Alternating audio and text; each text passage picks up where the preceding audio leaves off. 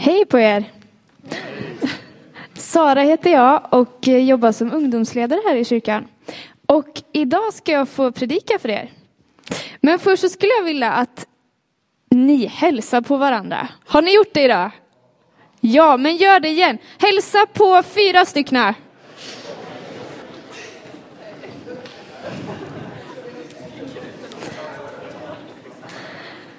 Ska vi börja med att lägga den här stunden i Guds händer och be tillsammans? Tack pappa Gud för att vi får samlas här idag. Tack för att du älskar oss så otroligt mycket var och en. Tack för att du just nu ser oss var och en i det här rummet. Även fast vi är en stor massa människor så ser du oss var och en Gud. Och tack för att du känner oss personligen var och en. Jag ber att vi ska få sitta med öppna hjärtan idag och att du ska få beröra våra hjärtan med din sanning Gud. Tack för att du är här med din heliga ande och får, ja du får göra vad du vill med den här stunden nu Gud. Tala igenom mig med dina ord och ta bort om det är något jag inte ska säga och lägg till om det är någonting som du vill att jag ska säga Gud. Mm. Amen. Jag har upplevt att eh, Gud har lagt någonting på mitt hjärta idag som jag vill dela med er och min bön är att det ska få träffa även era hjärtan. Titeln på den här predikan är Kallad av den högste. Vet du att du är kallad av den högste? Gud, han har utvalt just dig. Dig och dig och dig. Nu är vi många här inne, men det här är till var och en. Och han har en plan och ett syfte med var och en av oss som är här idag. Det är ganska stort tycker jag. Säg det till din granne. Du är kallad av den högste. Grymt. Har ni med er era biblar? Och om ni inte har den i bokform så får ni jättegärna ta fram bibelappen om ni har laddat ner den appen i telefonen. Så ska vi läsa från andra Timoteusbrevet 1 och 9. Han har räddat oss och kallat oss med en helig kallelse, inte på grund av våra gärningar, utan genom sitt beslut och sin nåd som han skänkte oss i Kristus Jesus redan före tidens början. Vi är alltså kallade av Gud, vi har fått en helig kallelse. Jag tycker det är väldigt spännande att läsa i Bibeln om när Gud kallar människor. Så jag tänkte att vi skulle göra det nu. Vi kommer läsa om när David blir smord till kung. När Gud kallar David att bli kung. Och jag, har, eh, jag kommer få lite hjälp här av några av mina ungdomar. Så ni är välkomna fram. Så ska de få hjälpa mig att göra det här bibel, bibelstoryn lite mera verklig. Men sen skulle jag också behöva sju frivilliga till som kan agera lite bröder. Så har vi sju frivilliga här idag som vill komma upp.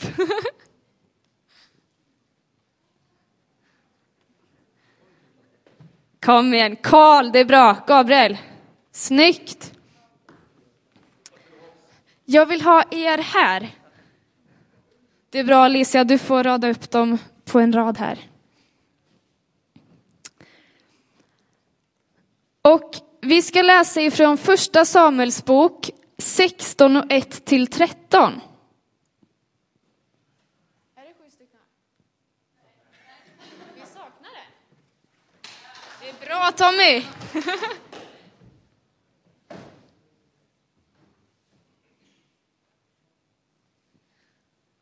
Okej, okay. Alicia är med på vad som händer här. Ni får improvisera lite.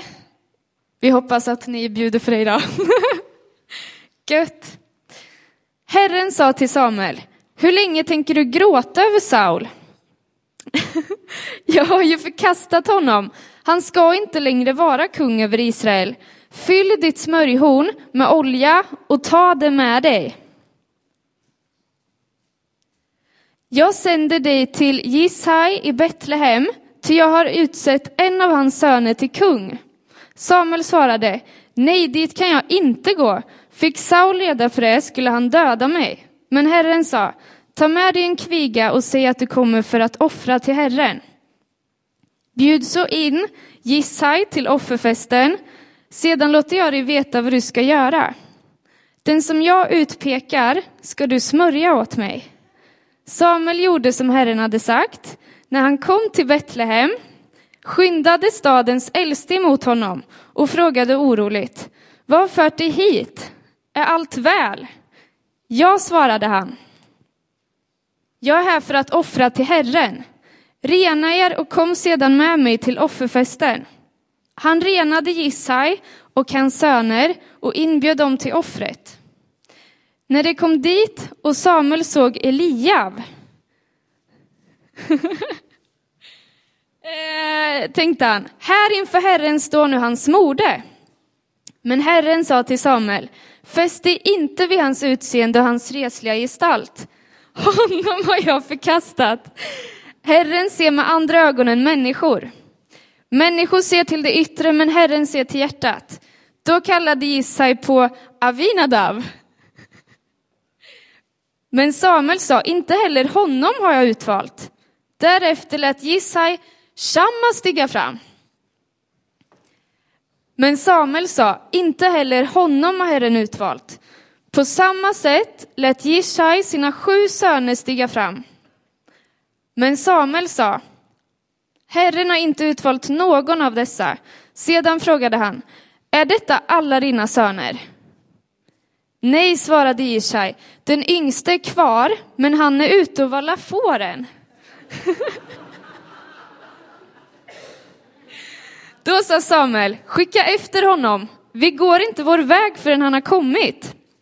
Kom upp här fåret, du får också vara med. Jishai lät hämta honom och han var ljus, ståtlig och hade vackra ögon. Och Herren sa, han är det. Honom ska du smörja. Samuel tog då oljehornet och smörjde honom mitt ibland hans bröder. Och Herrens ande föll över David och var sedan alltid med honom. Därefter vände Samuel tillbaka till Rama. Yay! En applåd!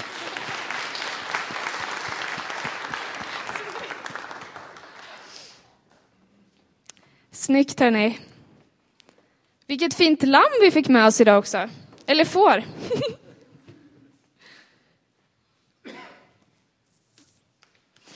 Är det inte lite komiskt hur vi människor här radar upp en skara bröder som vi tänker att de här har chans att bli kung, men hur Gud ser utöver det och kallar den som inte ens vi liksom har valt att ta med i den här syskonskaran, den som fick vara kvar ute och valla fåren, honom säger Gud till att han vill jag använda. Jag vet inte hur det är med dig, men jag upplever ofta att Gud kallar mig till att göra saker som känns ganska så utmanande. Och jag har insett att det är för att hans tankar om mig är så mycket högre än vad mina tankar är om mig själv. Och hans drömmar för min framtid är så mycket högre än vad mina drömmar är. Och han vet vad jag klarar av och därför tror jag att han vill stretcha lite i mig. Och på samma sätt, på samma sätt är det med oss alla. Han vet vad vi klarar av och det står i Bibeln att han utsätter oss inte för mer än vad han vet att vi klarar av. Så därför kan han vara lite utmanande ibland har jag upplevt. Och vi ska läsa ett bibelord som handlar om just det här. Och jag kommer läsa från The Message, som är en nyare översättning av Nya Testamentet. Och det är från Efesiebrevet 3.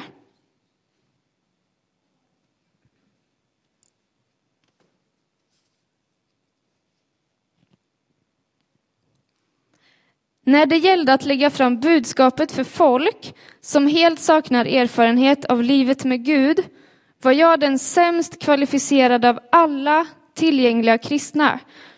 Men Gud utrustade mig. Men tro mig när jag säger att det inte hade något med mina naturliga förmågor att göra. Och nu predikar och skriver jag om saker som vida övergår mitt förstånd nämligen Kristus outtömliga rikedomar och givmildhet. Det står att han kände sig som den minst kvalificerade av alla tillgängliga kristna. Det är ganska så starka ord. ju. Men grejen med Gud är att han är inte beroende av det som du och jag är bra på. Han är inte beroende av våra styrkor, utan han kan använda det som ingenting är och göra det till någonting. Han kan använda våra svagheter till och med och göra det till en starkhet. Och den här då i Bibeln som kände sig som den minst kvalificerade av alla kristna, Guds respons på det är, är ju liksom inte, äh, men då, då är det ingenting att ha, utan det är gött, då tar vi dig. Det vill jag använda, för det kan jag göra det här och det här och det här med. Gud ser liksom över allt vad vi ens kan tänka. Och som det stod så hade det inte att göra med hans egna förmågor, om att han kunde predika, utan det var i Gud som han kunde göra det här som Gud hade kallat honom till. Så det, det hade inte att göra med hans naturliga förmågor att göra.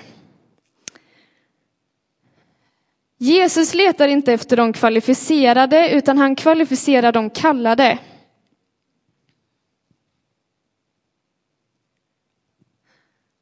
Första underrubriken då. Just dig, för du är unik. Just nu är vi många människor här inne och i sådana här sammanhang så kanske du någon gång har tänkt tanken att äh, men här är jag bara en i mängden. Men jag tror att Gud vill säga till någon idag att du behövs. Se inte ner på dig, utan han har lagt ner gåvor i dig och du behövs. För vi alla här inne är så sjukt olika. Och det här med jämförelse är någonting som jag har tänkt på. Och det dumma när vi jämför oss med varandra är att vi ofta jämför andras kanske bästa dag med våran sämsta dag. Vi jämför andras utsidor med våran insida. Hur många här är det som har Instagram? Upp med en hand. Det är många. Jag har också Instagram. Och där ser man hela tiden alla andra människors bästa dag. Deras bästa bild. Och så jämför man det med kanske ja, men en dag där det inte är så bra för en själv. Jag vet inte hur det är med dig, men när jag jämför mig och ser allt det här så tänker jag ganska så fort att alla andra är nog lite bättre än mig. Det kanske är lika bra att jag backar lite. Och så börjar de här tankarna med att nej, jag ska nog inte göra det där. Men i Bibeln så står det att ni ska lära känna sanningen och sanningen ska sätta er fria. Och jag har hittat en massa bibelord här där, eh, eh, ja, men där Gud berättar vilka vi är i honom. Och jag tänkte bara läsa igenom dem nu. Det är ganska många, så det kommer skifta lite bilder här. Så ni får hänga med på projektorn. Jag är Guds barn. Jag är viktig. Jag är älskad. Jag är underbart skapad. Jag är en del av Guds familj. Jag är kallad. Jag är utvald. Jag är en vinnare. Jag är fri. Jag är förlåten. Jag är stark. Jag är räddad. Jag är rättfärdig. Jag är en ledare. Jag är fylld av den heliga Ande. Jag är fylld med kraft. Jag är ett ljus. Jag är omsluten. Jag är unik. Jag är skapad till Guds avbild. Jag är helad genom hans sår. Jag är accepterad, jag är välsignad, jag är värdefull och jag är den Gud säger att jag är. Det här är vem du och jag är i Guds ögon. Så glöm inte vem du är, är nästa underrubrik. Har vi någon mer här idag som tycker om Lejonkungen-filmerna? Ja, Alltså bästa filmer man kunde se som barn. Och det bästa är att man aldrig växer ifrån dem heller. Jag kan fortfarande sätta på dem där och bara, ah, så bra. Det finns ett djup i det här klippet där pappan säger till sin son, du har glömt vem du är och när du har glömt vem du är så har du också glömt vem jag är. Du är mer än vad du har blivit. Du är min son. Och jag tror att på samma sätt som pappan blir ledsen över sin son så tror jag att Gud blir ledsen när vi glömmer vilka vi är, när vi ser ner på oss själva, när vi ser ner på det som han har skapat. Vi tror på en stor Gud, eller hur? Ja. Och vi tror att vi är hans söner och vi är hans döttrar. Därför tror jag att Gud har kallat oss till att vara med och göra stora saker. Jag tror att han har kallat oss till att drömma stort, leva stort. Och jag tror att det är tid att resa upp en ny generation i Sverige som vet vilka vi är i Gud, som vet att vi är Guds barn, som känner sanningen.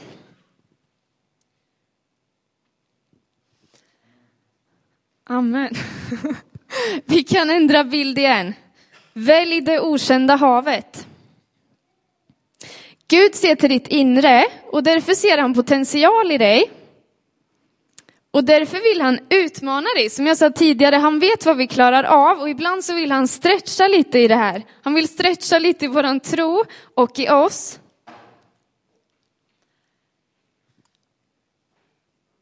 Och där har vi ett val, det kan vi säga. Här är jag Gud, en helt vanlig tjej, en helt vanlig kille. Och vi kan komma precis som vi är, vi kan säga till honom, jag brottas med det här och det här och det här. Men du får använda mig. Gör vad du vill med det. Vi behöver inte komma färdiga till honom, vi behöver inte komma klara till honom. Vi behöver inte känna oss kvalificerade, vi kan känna oss okvalificerade och ändå komma till honom och säga, här är jag, använd mig. Så ofta tror vi att det är vi som ska prestera, men det är Gud genom oss. Det är han som får göra det genom oss. Vi behöver bara vara villiga att gå, vara villiga att följa honom. Och det är här också den heliga ande kommer in. Vi har fått världens bästa coach vid våran sida. Och det är inte vi som gör det, utan det är Gud som gör det genom att vi har fått den heliga ande som bor i oss. Jag kommer läsa ett bibelord som mina ungdomar har hört jättemånga gånger, men jag kommer läsa det igen, för det är så bra. Det är från Markus 10.27 och det står att för människor är det omöjligt, men inte för Gud, ty för Gud är allting möjligt. I Guds kraft är ingenting omöjligt. Men det som Gud har kallat dig att göra, det är stora saker och det kan kännas omöjligt att göra i egen kraft.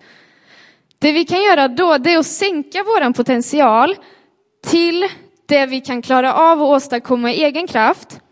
Eller så kan vi ta steget och våga gå ut i det här okända havet som det kan kännas som och säga okej okay, Gud, jag kör, men då får du vara med mig, då behöver jag din kraft.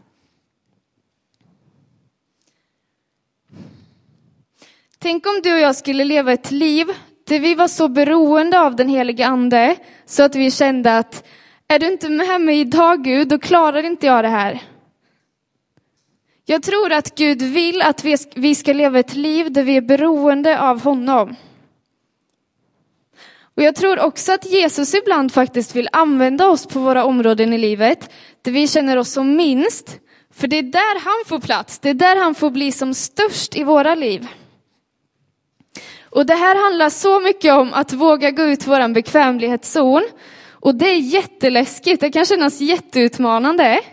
Men jag tror på ett sätt att det är där det händer. När vi inte har kontroll, det, det är där Gud får komma in och ta över. Och det är där den heliga ande får bryta igenom i våra liv. Det är där den heliga ande får plats. Nästa bild, stanna kvar hos Jesus även när havet stormar. Joyce Mayer säger så här, new levels, new devils. Alltså ju mer du ger dig ut på okänt hav, ju mer du vågar gå utanför din bekvämlighetszon, dit som Gud har kallat dig, ju mer kommer lögnaren försöka fylla dig med tankar som säger att vem tror du egentligen att du är? Tror du verkligen att du ska göra det här? Och det är för att vi gör någonting för Gud, det är för att vi gör någonting som spelar roll. Det är därför han vill komma och komma med lögn och försöka hindra oss. Och när, när motgångar kommer, när vi börjar se omständigheter När vi ibland flyttar blicken från Jesus till våra omständigheter så är det lätt att tvivla och tänka att oh, jag kan inte göra det här. Gud, hjälp mig. Men det är då vi behöver hålla fast vid sanningen som jag rabblade upp förut, de, alla de här bibelorden som berättar för oss vilka vi är i Gud. Stanna kvar hos Jesus även när du inte förstår. Styrs inte av det som du ser utan styrs av det som Gud har sagt till dig. Och vi kommer inte alltid förstå. Men grejen är att jag tror inte heller att vi alltid behöver förstå. Det räcker med att Gud förstår och det räcker med att vi litar på honom. Att vi förtröstar på honom. Det finns en liten textrad i en lovsång som jag tycker är så bra. When I trust you, I don't need to understand.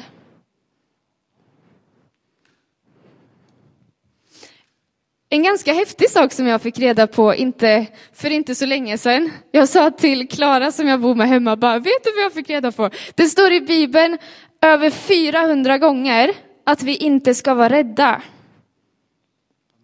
Borde inte det vara ganska viktigt då att Gud verkligen vill trycka på det? För hur många dagar är det på ett år? 365. Så mer än varje dag säger Gud till dig och mig, var inte rädd, jag är med dig. Och det tror jag säger någonting, att han inte säger det en gång, utan han säger det mer än varje dag. I Filipperbrevet 1 och 6 så står det, och jag är övertygad om att han som har börjat ett gott verk i er också ska fullborda det till Kristi Jesu dag. Så det du och jag behöver göra, det är bara att våga gå, våga följa Gud, våga gå dit som han kallar dig. Och det kommer vara mycket större än vad du kanske någonsin har drömt om eller tänkt om. Det kommer vara utanför din bekvämlighetszon många gånger tror jag. Kanske inte för alla, kanske inte i alla fall. Men i många fall tror jag faktiskt att det är så. Men jag tror att det händer någonting när vi börjar våga gå. Och jag tror att Gud idag kanske vill utmana människor här att faktiskt våga gå. Gud har utmanat mig i det här jättemycket. Han gör det nästan varje dag. Och det kan vara jätteläskigt ibland. Men det händer saker när man faktiskt vågar gå. Det är häftigt att se. Gud har kallat dig till din skola. Du är kallad av Gud på din arbetsplats.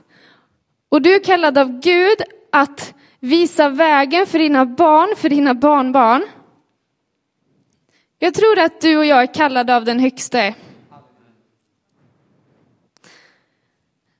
Jag skulle vilja avsluta med att göra en inbjudan.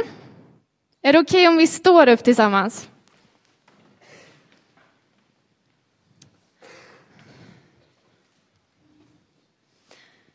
Och för att visa respekt för varandra så skulle jag vilja att vi blundar här inne så kommer jag att ställa en fråga till dig.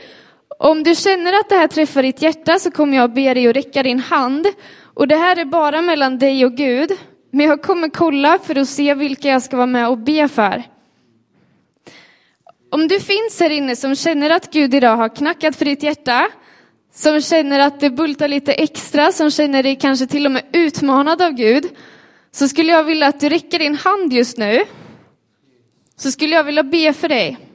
Du som känner att jag skulle vilja börja våga gå. Börja gå dit som han kallar mig.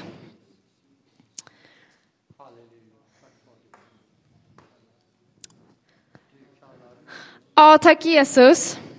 Tack för att vi får tillhöra dig. Tack för att vi får tillhöra någon som har högre tankar om oss än vad vi gör om oss själva, som drömmer större än vad vi någonsin kommer kunna drömma, Gud. Tack för att vi är kallade av dig och tack för att vi kan få välja att följa dig Gud. Tack för att vi kan få gå och göra det som du har tänkt för oss. Jag ber att vi idag ska få inse ännu mer hur mycket du älskar oss. Jag ber att vi idag ska få smaka ännu mer av din kärlek. Förstå att vi är viktiga, att vi spelar roll. För du är en god Gud och du skulle aldrig skapa någon som inte behövs.